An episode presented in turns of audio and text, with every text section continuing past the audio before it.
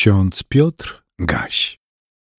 30 grudnia 2022 roku, piątek.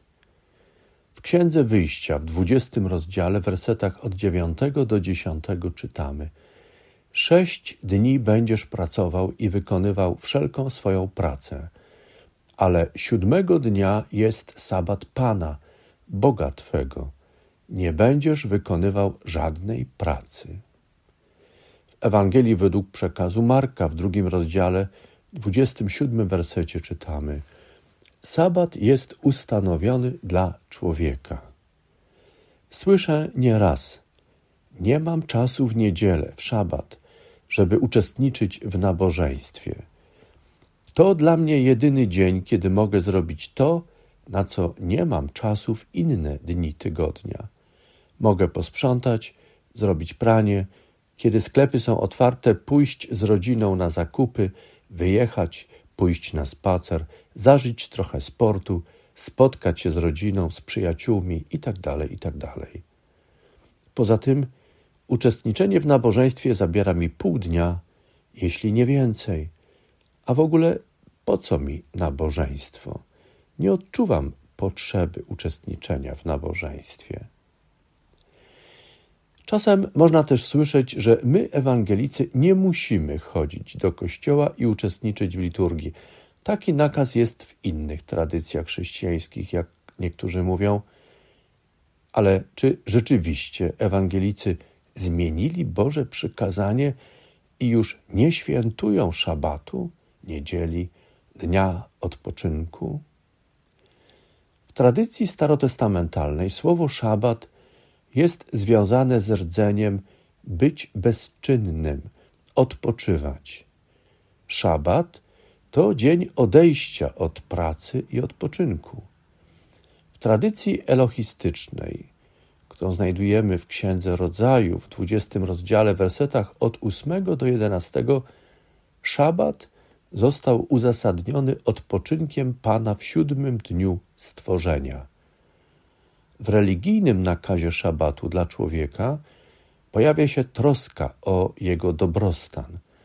Skoro Pan odpoczął, to tym bardziej człowiek potrzebuje odpoczynku. Co ciekawe, przekazanie szabatu dotyczy każdego człowieka, niezależnie od jego pozycji społecznej, miejsca w hierarchii zawodowej. Koniecznie należy też zwrócić uwagę na to, że szabat z nakazu religijnego to także dzień odpoczynku dla zwierząt, które wykonują pracę dla człowieka. W tradycji deuteronomicznej, w Księdze Powtórzonego Prawa, w rozdziale 5, w wersetach od 12 do 15, nakaz szabatu pozostaje w mocy zarówno dla ludzi, jak i zwierząt.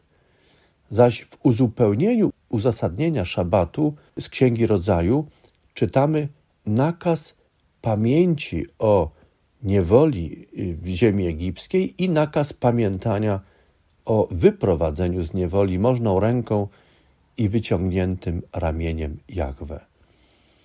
Obie tradycje, elohistyczna i deuteronomiczna, nakazują więc, aby człowiek odpoczywał po sześciu dniach pracy i pozwolił także odpocząć zwierzętom wykonującym pracę dla niego. Pozostawienie zajęć, odpoczynek to pierwszy znak zwrócenia się do Pana i posłuszeństwa Jego przykazaniu. Niemniej ważnym, równie istotnym znakiem zwrócenia się do Pana jest wspominanie dobra danego przez Boga w stwarzaniu oraz uwalnianiu, wybawianiu człowieka przez Boga. Fizyczny odpoczynek i pamiętanie o dziełach Boga w rozmyślaniu nad Jego Słowem są właściwym szabatem. Przywołane przekazy o szabacie nie mają wyłącznie prawnego charakteru. Z tego powodu tym bardziej nie można ich traktować jako bezdusznego nakazu czy pozbawianie człowieka wolności wyboru w zagospodarowaniu dnia odpoczynku. Pamiętajmy, Szabat to Boży dar dla człowieka. Służy jego fizycznemu i duchowemu dobru. Szabat wytycza granicę, która chroni człowieka, jego wolności, zdrowia, orientacji w życiu, którą zachowuje wtedy, kiedy szuka w Piśmie Świętym, w liturgii odpowiedzi na fundamentalne pytania: z czyjej woli jestem? Po co jestem? Do kogo zdążam? Chrystus uwalnia swoich uczniów i uczennice od prawnego, bezdusznego rozumienia szabatu. Jednocześnie należy podkreślić, że nie zniósł przykazania świętowania, zachowania szabatu. Podkreśla też dobro, błogosławieństwo darowane człowiekowi wraz z szabatem. Tak rozumiemy dzisiejsze słowa naszego Pana. Sabat jest ustanowiony dla człowieka, a nie człowiek dla sabatu. Chrześcijanie żydowskiego pochodzenia początkowo obchodzili żydowski szabat jako dzień odpoczynku. Nie zaniedbywali również zgromadzeń w pierwszy dzień tygodnia na pamiątkę zmartwychwstania Zbawiciela, Jezusa Chrystusa. W tym dniu wspominali Boże stwarzanie, wyprowadzanie z niewoli egipskiej oraz wyprowadzanie z grzechu i niewoli szatana. Wspominali śmierć i zmartwychwstanie Zbawiciela oraz obchodzili Eucharystię, Wieczerzę Pańską.